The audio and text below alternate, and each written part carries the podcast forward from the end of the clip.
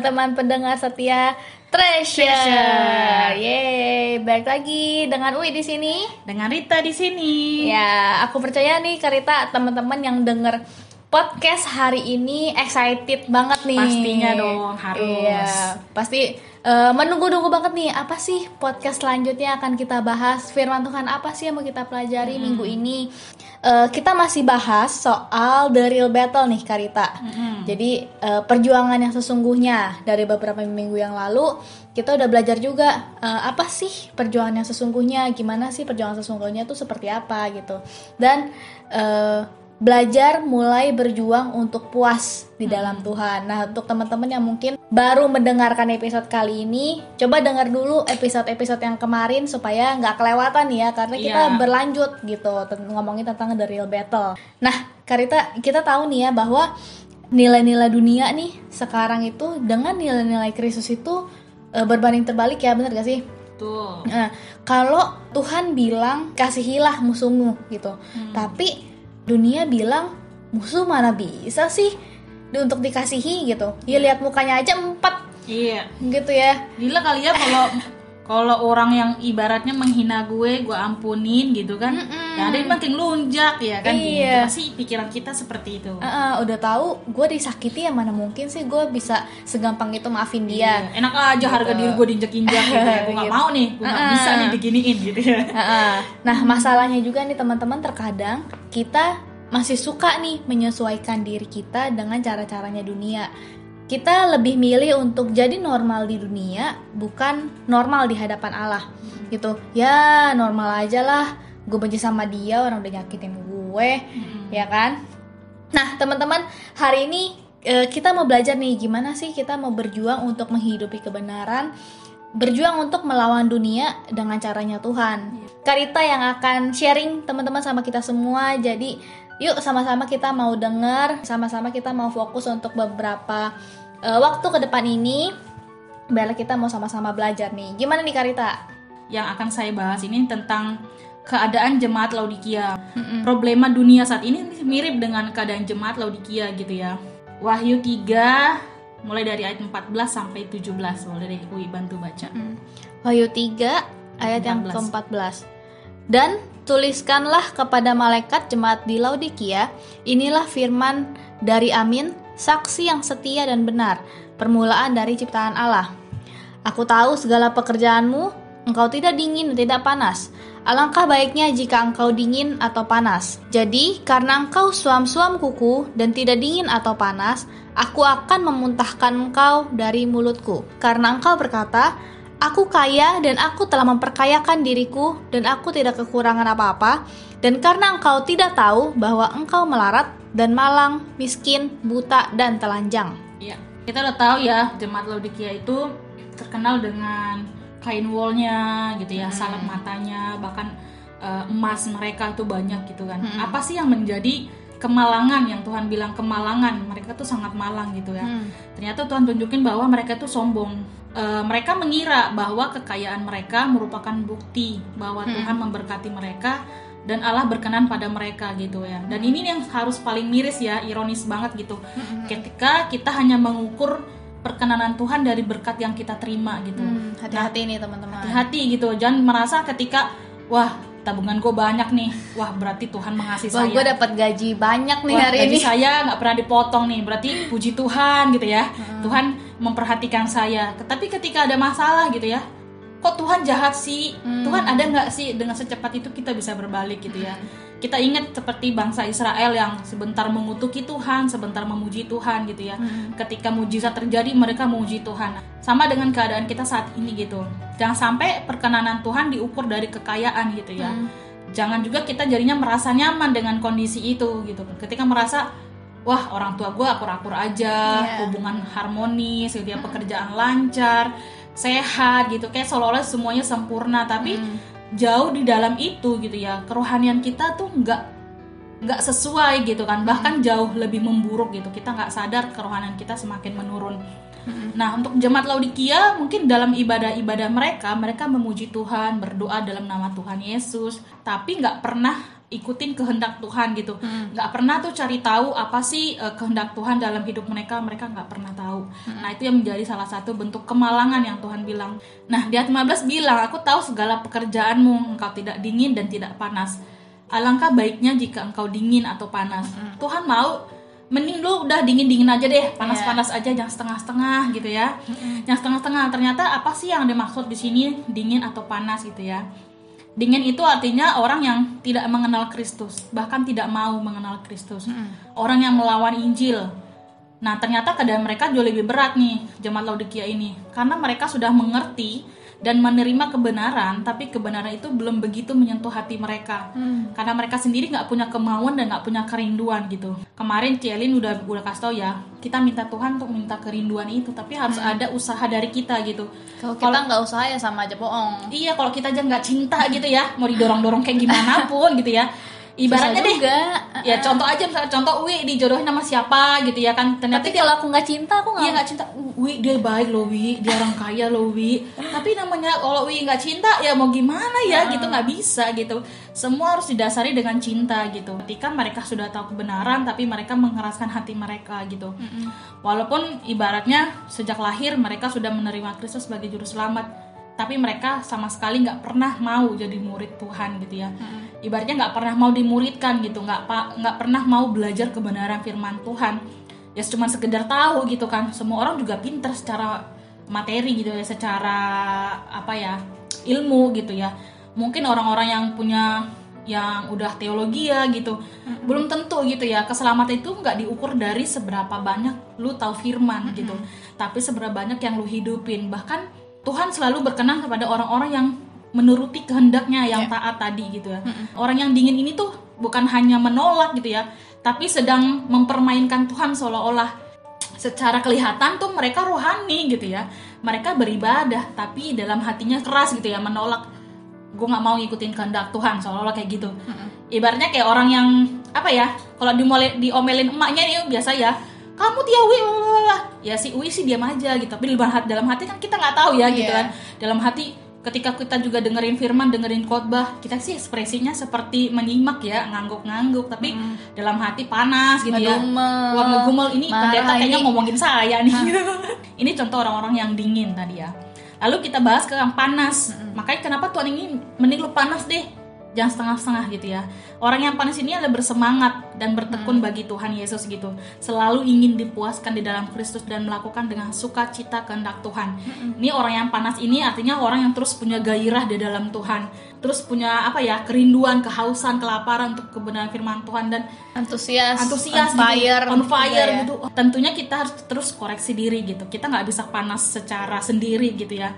Artinya kita butuh juga tuntunan Roh Kudus untuk yeah. membuat rohani kita terus panas terbakar gitu ya berapi-api gitu. Sampai ibaratnya kita benar-benar puas di dalam Tuhan. Hmm. kita tadi udah bahas gitu dingin dan panas. Lantas lantas bagaimana dengan orang yang suam-suam kuku gitu ya? Yang tidak panas juga tidak dingin. Nah ini nih kayak setengah-setengah gitu ya. Dingin juga enggak dingin panas enggak, juga panas enggak. enggak. Ini sama kayak orang yang pelin-pelan gitu ya. Sebentar iya sebentar enggak gitu ya kita aja kalau lihat teman kita pelimplan atau mungkin uh, entah bos kita di kantor pelimplan kesel nggak sih gitu? Gemes gak sih? Aduh tadi bilang iya. Terus tiba-tiba bilang enggak mm -hmm. jadi maunya apa sih gitu kan? Nah ini kayak contoh orang yang keadaan orang-orang yang sung-sung kuku nih. Mm -hmm. pertama mereka tidak akan terganggu dengan ajaran sesat gitu. Tidak akan terganggu dengan hal yang tidak benar gitu ya. Merasa fine di tengah-tengah dosa gitu. Bahkan di kumpulan para pendosa. Bahkan mungkin bisa jadi orang ini adalah penyesatnya gitu ya. Hmm. nggak terlalu tertarik dengan rohani gitu dengan kebenaran. Jadi dia kan dia kan biasa aja ketika ada orang-orang yang menyesatkan. Jangan sampai kita malah nyaman di keadaan yang suam-suam kuku ini gitu. Hmm. seperti di Matius 18 ayat 7 bilang celakalah dunia dengan segala penyesatannya. Memang penyesatan harus ada tapi celakalah orang yang mengadakannya Nah, bisa jadi adalah orang yang suam-suam kuku ini adalah orang yang menyesatkan gitu ya. Hmm. Justru dia menjadi penyesat tanpa dia sadari gitu, tanpa dia sadari dia ngerasa yang gue lakukan ini bener kok gitu hmm. kan. Karena dia nggak tahu, karena dia nggak nggak mengenal kebenaran yang sejati gitu. Jadi dia ngerasa kebenarannya yang dia lakukan itu adalah kebenaran gitu ya. Hmm. kebenarannya sendiri yang diajarkan atau dia sampaikan kepada orang-orang gitu. Nah ini bahaya nih. Lalu eh, untuk orang yang suam-suam kuku ini tidak ada semangat untuk membela kebenaran. Kita lagi menyaksikan orang lagi berbuat dosa gitu ya. Kita cuek aja gitu. Ya udahlah biarin aja lah ya gitu. udahlah biarin aja lah gitu. Atau mungkin bisa teman kita gitu ya. Teman kita berbuat salah gitu kan. Kita mau negur mikir-mikir nanti kalau gue tegor gue dibenci nanti dia gue jadi nggak dapat temen gitu Buat ya dijauhin apalagi Iya. kalau udah solid banget ya Karita ya. Itu susah banget sih biasanya. benar nih apalagi udah soulmate tiba-tiba dia apa ya kita kadang lebih memilih yang udahlah daripada gue dimusuhin Hmm. gak usah lah ditegur gak usah dia ini dia nanggung sendiri hey jangan lupa gitu ya kita udah anak Tuhan kita udah baca ya kebenaran firman Tuhan di mana ketika ada orang yang berbuat dosa kita nggak tegur kita yang dituntut kita yang dosa Tuhan. malah. Ha. kita justru yang dituntut Tuhan gitu atas jiwanya. Tapi ketika kita sudah menegur dia dia nggak dengerin kita aman gitu. Kita yang nggak dituntut gitu. Jadi eh, kalau kita udah tahu kebenaran ini apakah iya kita akan masa bodoh gitu ya? Berubah atau enggak ya urusan dia sama Tuhan ya. ya. yang penting kita sudah lakukan bagian kita gitu ya. Ya sebenarnya kalaupun akhirnya teman kita itu menjauhi kita berarti Tuhan sayang Tuhan nggak kasih teman kita yang toksik gitu ya tadi kita ibar- ibaratnya aman dari racun-racun itu gitu ya kebenaran yang nggak pernah diungkapkan hanya cuman disimpan dalam hati gitu itu nggak akan jadi buah gitu Mm-mm. Cuma jadi pengetahuan aja. Iya cuma jadi pengetahuan. Iya gue tahu kok, tapi nggak pernah praktekin ya. Teman-teman yang mungkin dalam pemuritan pasti yang dituntut selalu praktek gitu ya. Prakteknya apa gitu ya? Kita udah tahu banyak firman gitu. Bahkan ibaratnya dari gereja anak udah dengerin firman, Eh, youth dengerin firman, mungkin di umum juga dengerin firman. Tapi prakteknya apa gitu kan? Tuhan meminta juga yang mau diminta adalah buahnya gitu kan. Bukan hanya sekedar materi-materi terus yang dibagiin, tapi prakteknya kita nggak pernah gitu ya. Nah hati-hati gitu ya. Lalu apalagi sih keadaan orang yang sum-sum kuku ini gitu ya. Mereka membawa kebenaran diri sendiri gitu. Membawa kebenaran dunia ke dalam gereja, ke dalam keluarga, komunitas. Jadi pencemar yang berkedok pemimpin gitu. Nah, hati-hati nih. Ini juga jadi evaluasi saya sendiri, Iya. Rakas, Elin, para leader gitu ya. Para tim semuanya yang eh, pelayan-pelayan di Youth Glow itu kan jangan sampai kita membuat kebenaran sendiri gitu bikin statement-statement yang tidak sesuai dengan kebenaran dan akhirnya seolah-olah itu berbau rohani sih gitu tapi ternyata ada terselubung gitu ya ada si rohaninya tapi dunianya juga ada gitu akhirnya itu tanpa kita sadari itu bisa menyesatkan loh gitu ya Eh, contoh nih boleh bohong untuk pelayanan Hmm. nah lo gimana tuh? Boleh bohong untuk pelayanan. Jadi sebenarnya dosa apa enggak gitu ya? Eh, ya bohongnya dosa gitu. Untuk pelayanannya sih enggak gitu, tapi Pelayanannya sih bener ya. tapi tetap aja gitu ini salah gitu. Dan ketika sesuatu kebenaran dicampur dengan eh, yang tidak benar itu akan jadi tidak benar gitu ya. Ibaratnya Kalau di matematika tuh plus tambah minus, ya nah, minus. minus gitu ya. nggak bisa jadi plus gitu ya kan. Terus boleh nyolong uang orang tua untuk persembahan. Nah, ini juga nih aduh gitu kan ini benar apa enggak ya? Coba dulu sih, dulu sih kalau masih kecil sih suka gitu tuh kak. Kalau Nah. aku ya, kalau aku. Jadi kan cuman orang selalu mem- membuat sesuatu itu seperti benar gitu.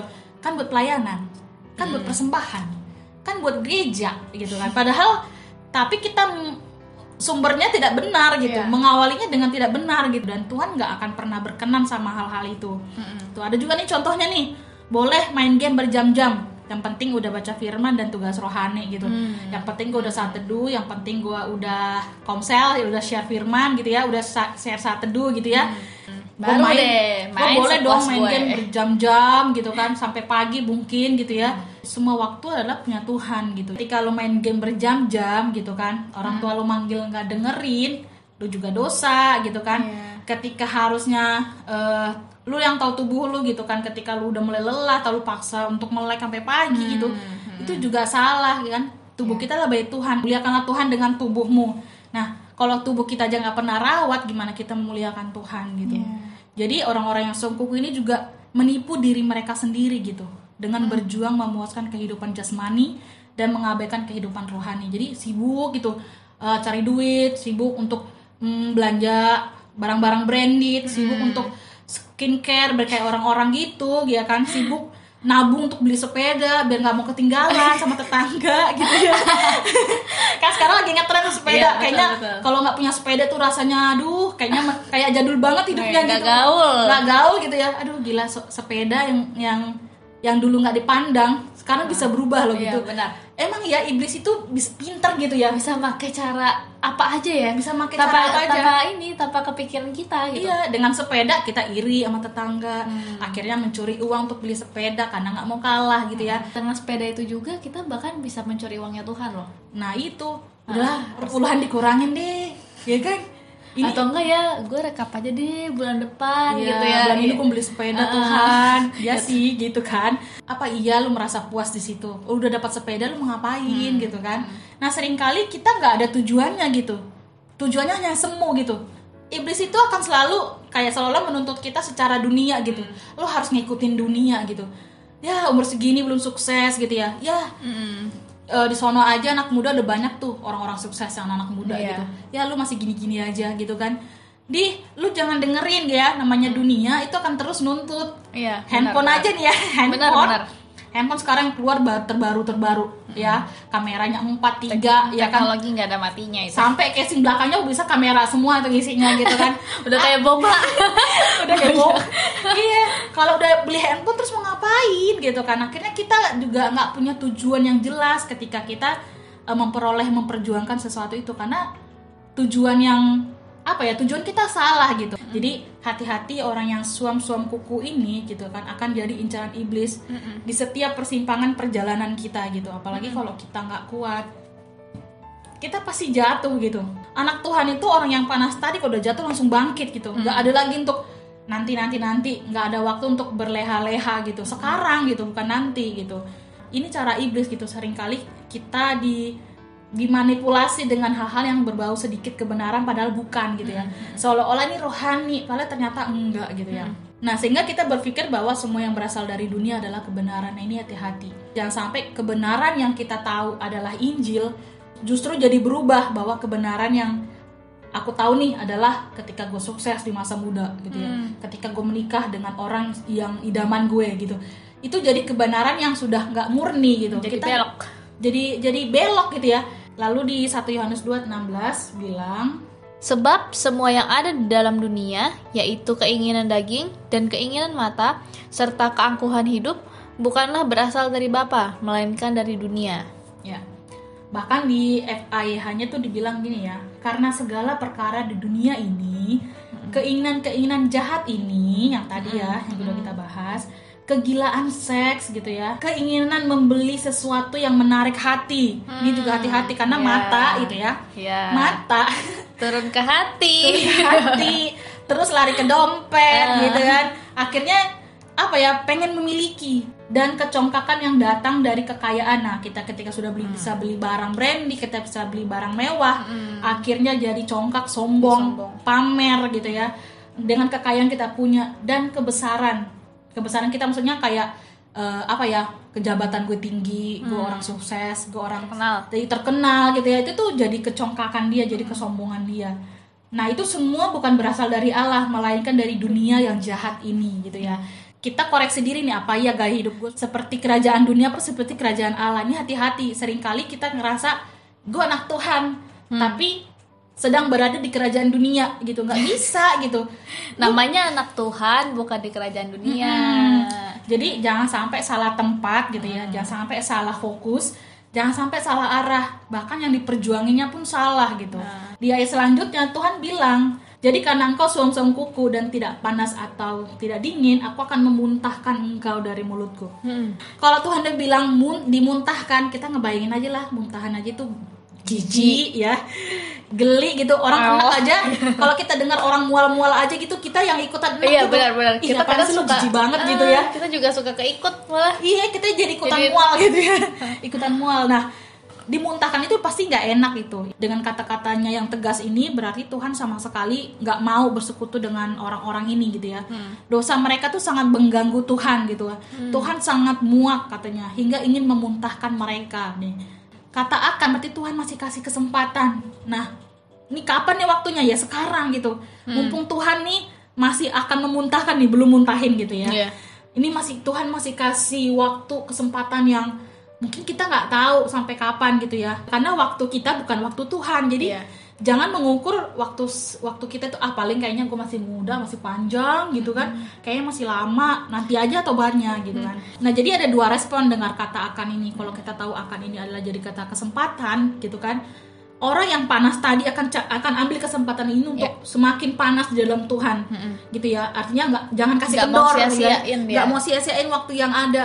Tapi kalau orang yang dingin tadi ya udah sih nanti aja kan Tuhan belum muntahin gitu kan ketika kita mengabaikan kesempatan itu yang mahal harganya kita akan menjadi orang yang paling rugi gitu kan.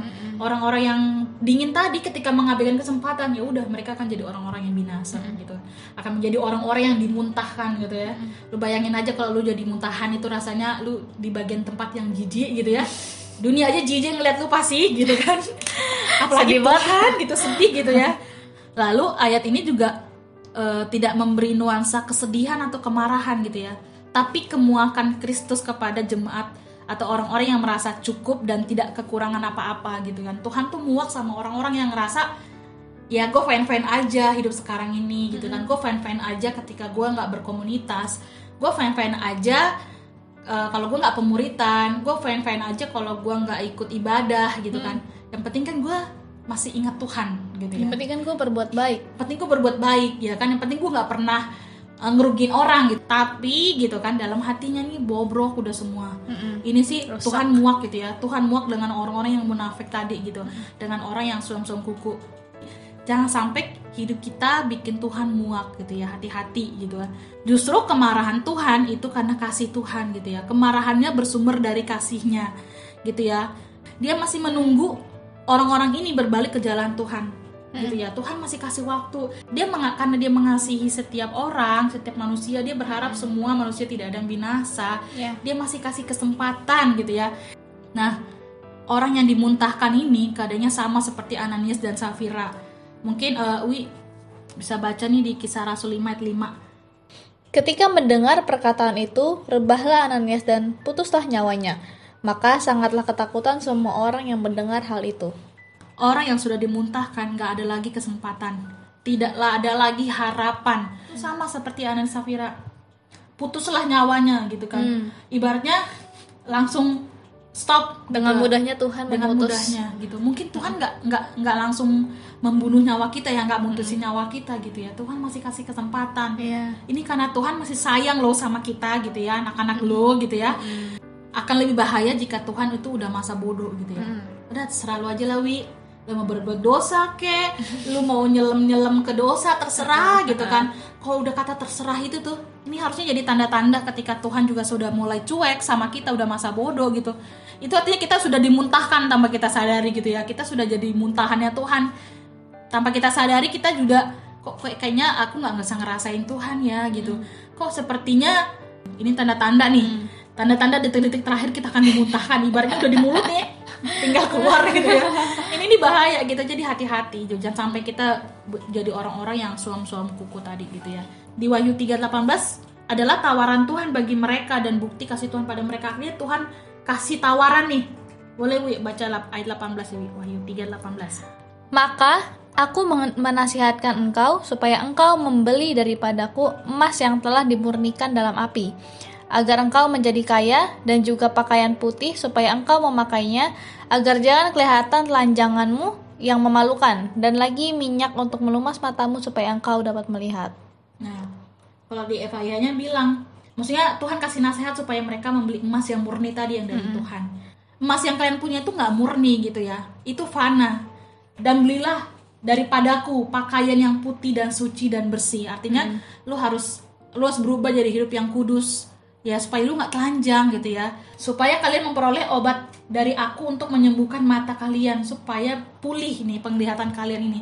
Supaya lu sadar nih fokus yang setelah selama ini lu lihat adalah salah gitu. Perjuangan yang lu sedang perjuangkan selama ini adalah salah. Tuhan membuka mata kita gitu kan supaya melihat kebenaran tadi. Nah Tuhan tuh tawarin loh gitu. Berapa kali sering kita mengabaikan tawaran Tuhan gitu. Ah Iya. nanti aja lah Tuhan. Kayaknya baju gue masih lebih bagus sih gitu ya. Gue masih punya banyak baju. Nah kadang-kala Iya. yang tanpa kita sadari kita kita sedang telanjang kita kita Hmm. mempertahankan kebenaran dunia gitu. Ketika kita sedang berjuang eh, untuk yang fana. Perhatikan ketika iblis mencoba Yesus padang gurun, apa sih yang menjadi tipsnya Tuhan Yesus untuk bisa gitu ya, bisa eh, menolak iblis gitu ya. Tentunya Tuhan Yesus itu nggak pakai kekuatan sendiri gitu ya, dia tetap mengandalkan kekuatan Tuhan. Ini salah satu bentuk tipuan iblis gitu. Padahal iblis sudah tahu bahwa dia itu Yesus anak Allah gitu. Kalau lu anak Tuhan, coba lu loncat deh gitu kan. Jadi iblis sedang mempermainkan identitas kita gitu kan. Dunia sekarang sedang melakukan hal-hal konyol untuk membuktikan iman mereka gitu. Jangan lupa bahwa identitas kita adalah anak Tuhan ya, bukan anak setan gitu ya. Iblis nggak akan nggak akan pernah mencobai anaknya sendiri gimana gitu ya. Ya kalau anak setan sendiri ya lu anak gue ngapain gue cobain sama di rumah aja gitu ya. Justru karena anak Tuhan yang panas tadi tuh dia akan terus godain gitu ya. Lantas apa Yesus jawab kepada iblis Eh, nanti teman-teman bisa baca di Matius 4 ayat 3 sampai 8 gitu ya. Yesus selalu menjawab sebab ada tertulis. Artinya ya Tuhan Yesus pakai firman Allah yang ada di Alkitab gitu ya. Nah, sering kali nih kita juga dicobain tiga kali tuh seolah-olah nyerah gitu ya. Kan tiga kali iblis mencoba Yesus. Iya. Contoh nih, Wi, gue jualan handphone nih, Wi. Wi, handphonenya bagus, Wi. Kameranya 4, Wi, gitu ya. Tadi baru tadi baru ditawarin nih. Tawarin, Wi, handphonenya bagus, Wi, lagi ngetren nih, Wi, gitu kan. Kita nggak boleh sebut merek ya, gitu. Udah itu sekali, gue kan cobain terus nih. Kalau marketing kan gitu ya. Wi, yakin lu, Wi, ini barangnya Usaha terus ini usaha. barangnya mumpung lagi ngetren nih, Wi, lagi viral nih, Wi. Kameranya bagus, Wi, buset lu kalau zoom berkali-kali juga nggak bakalan pecah, Wi, gitu ya. Hidungnya nggak pecah. Yang kedua nih ya, nih, Wi mulai ragu nih, aduh beli nggak ya, tabungan tinggal berapa ya, aduh beli nggak ya, tanya mama dulu ya, gitu kan. Mulai ragu, mulai tergoyah gitu kan. Orang ya biasanya tiga kali tuh nyerah. Ya contoh lah kayak kayak orang tua atau mungkin kakak ngomelin adiknya atau ponakan gitu ya. Jangan ya satu, dua, tiga, ya kan biasanya kata tiga udah nyerah kan, gitu kan. Nah ini Tuhan nggak nyerah, justru iblis yang nyerah gitu. Hmm. apa sih yang menjadi senjatanya Tuhan gitu ya? Ketika dibilang eh, di Efesus 6 ayat 11 bilang senjata Allah itu adalah untuk bertahan melawan tipu iblis. Ya. nah senjata Allah itu bukan seperti pistol panah Pedang. pedang granat gitu ya. Bukan gitu ya itu hanya di dunia gitu ya nggak bisa melawan iblis. Senjata Allah ini apa ya gitu kan lalu di 2 Korintus 2 Korintus 10 ayat 4 katanya karena senjata kami dalam perjuangan bukanlah senjata duniawi melainkan senjata yang diperlengkapi dengan kuasa Allah yang sanggup untuk meruntuhkan benteng-benteng. Senjata Allah ini merupakan salah satu adalah firman Tuhan yang merupakan pedang roh di Efesus 6:17. Jadi firman Tuhan itu menjadi pedang roh gitu ya. Jadi kalau kita melawan roh-roh jahat yang udara ya, eh, kalau kita jangan pernah baca firman Tuhan, gimana kita punya senjata gitu ya, Iya. gimana kita mau melawan iblis gitu ya. Kalau firman Tuhan nggak pernah kita kita baca atau kita renungkan. Lalu kedua adalah iman percaya kita sama Tuhan. Kalau kita nggak percaya sama Tuhan, mana mungkin gitu ya? Kita akan menjadi orang-orang yang bimbang bahkan tersesat dengan kata-kata si iblis gitu ya. Kalau kita punya iman percaya yang teguh, ya seperti Yesus tadi yang sudah praktekin gitu ya. Sebab ada tertulis karena firman Tuhan yang dipakai gitu, bukan kata-kata sendiri, bukan kekuatan sendiri. Lalu apalagi sih yang menjadi senjata Allah ketika kita rela menjadi alatnya Tuhan untuk memberitakan Injil itu juga menjadi salah satu senjata. Eh, iblis kan nggak mau, iblis maunya semua manusia binasa gitu kan. Ya, benar. Tapi ketika kita memberitakan Injil kita sedang apa ya memblokade kerjaan iblis tau gak sih? Kita kita perlu kerelaan hati untuk memberitakan Injil. Apalagi sih senjata Tuhan itu pulihnya hidup kita hidup relasi kita sama Tuhan. Ketika hubungan kita dengan Tuhan itu pulih gitu. Iya. itu salah satu bentuk senjata kita. Kalau kita aja masih masih kayak susah gitu untuk merasakan hadirat Tuhan itu gimana ya hubungan kita sama Tuhan aja tuh Perlu dipertanyakan perlu ya, dipertanyakan gitu kan. Padahal hubungan kita sama Tuhan sudah didamaikan dengan salib Kristus gitu ya. Lalu apa sih senjata yang terakhir adalah kebenaran firman Tuhan yang kita hidupi. Semakin banyak firman Tuhan yang kita hidupi kita praktekkan kita injili kita bagikan itu menjadi senjata buat kita melawan iblis. Hmm. Nah, apa sih menjadi bukti keberhasilan Yesus melawan iblis adalah tidak memberi perhatian yang berlebihan pada si iblis gitu ya. Tuhan tidak memberi perhatian yang berlebihan pada si iblis, bahkan cuekin gitu kan. Iya. Ketika iblis bawa dia ke ke atas gunung puncak gunung, dia sih ngikut gitu. Tapi nggak fokus dengan kata-kata si iblis gitu ya. ki- dia ibaratnya nggak kasih nggak kasih kesempatan hatinya untuk mengikuti apa kata si iblis gitu ya artinya juga Yesus bergantung sepenuhnya pada kuasa Allah Bapa gitu nah jadi jangan ingat iblisnya gitu ya ingat penyertaan Tuhan tadi sampai akhir zaman kita. Maksud ibaratnya Tuhan akan menyertai kita gitu. Jadi jangan sampai kita lupa penyertaan Tuhan akhirnya kita jadi tergoda terus sama si iblis gitu. Ketika semakin dekat sama Tuhan semakin intim sama Tuhan semakin terus cari tahu kebenaran Tuhan kita akan semakin bisa membedakan mana nih yang perbuatan iblis mana yang harus kita bela mana yang kebenaran yang sejati dan mana kebenaran yang palsu. Jadi eh, kiranya kita ya maksudnya bersyukur pada Tuhan ketika Tuhan masih menghajar kita gitu ya. Dan Tuhan tidak membiarkan kita bahkan ibaratnya Tuhan nggak pernah cuek sama kita gitu. Dalam Wahyu 3:19 tadi Allah berfirman barang siapa ku kasihi ia ku tegur dan ku hajar gitu ya. Hajar itu sama ajar beda ya. Nama udah hajar itu Hajar dan ajar. Iya, seorang orang tua, bapak kalau menghajar pasti biasanya pukul gitu, ya, atau pukulan yang sakit gitu ya. Kenapa lu sakit supaya lu jerak, supaya lu tahu nih mana yang benar. Nah, sebab itu relakanlah hatimu dan bertobatlah katanya. Relakan hatimu. Kalau selama kita nggak rela itu nggak akan bisa gitu. Kita nggak bisa melawan iblis. Kita kan selalu jatuh, jatuh, jatuh, jatuh gitu kan. Banyak jatuhnya daripada banyak bangkitnya gitu ya. Jadi mari terus berjuang untuk membela kebenaran gitu ya. Mari terus berjuang punya gaya hidup seperti yang Tuhan mau. Mari terus berjuang untuk tidak lagi terlibat dalam hal-hal dosa atau pekerjaan iblis gitu ya. Kita anak Tuhan, harusnya kita menjadi alat Tuhan. Ketika kita sudah tahu kebenaran, jangan sampai kita malah jadi melakukan hal yang tidak benar gitu. Jangan sampai jadi orang yang suam-suam kuku gitu ya. Tuhan akan muak dan muntah gitu ya. Ini yang perlu kita ingat sama-sama mari kita renungin, saya juga evaluasi diri gitu ya. Tuhan akan selalu mencintai orang-orang yang taat dan melakukan kehendaknya. Ya. Tuhan berkenan kepada mereka yang melakukan kehendak Tuhan. Gitu, Wi. Oke, kalau tadi eh, dibilang ya teman-teman kalau dingin dingin sekalian, panas panas sekalian. Ya bukan berarti kalau udah bilang eh, ya udah gue jatuh jatuh aja deh sekalian. Ya nggak gitu teman-teman. Tapi eh, kita juga harus bangkit gitu. Dunia ini memang nggak semakin baik, tapi bukan berarti kita juga ikut jadi tidak baik gitu. Masih ada kesempatan untuk kita bertobat, bertobat sekarang, jangan entar-entar, jangan ditunda-tunda gitu. Lakukan kebenaran yang sudah kita terima, kebenaran yang murni. Lawan dunia dengan kebenaran firman Tuhan gitu, dengan senjata-senjata yang tadi Karita udah bahas gitu ya. Dengan caranya Tuhan, lawan dunia dengan menghidupi firman Tuhan dengan iman yang percaya kepada Kristus gitu. Jangan sekalipun beri perhatian kepada dunia. Jadi bergantunglah sepenuhnya kepada Bapa. Oke. Gitu aja teman-teman. Thank you banget Thank Karita. you juga Wi buat kesempatannya. Iya, thank you juga Karita buat sharingnya, buat kita kita, Semoga buat ya.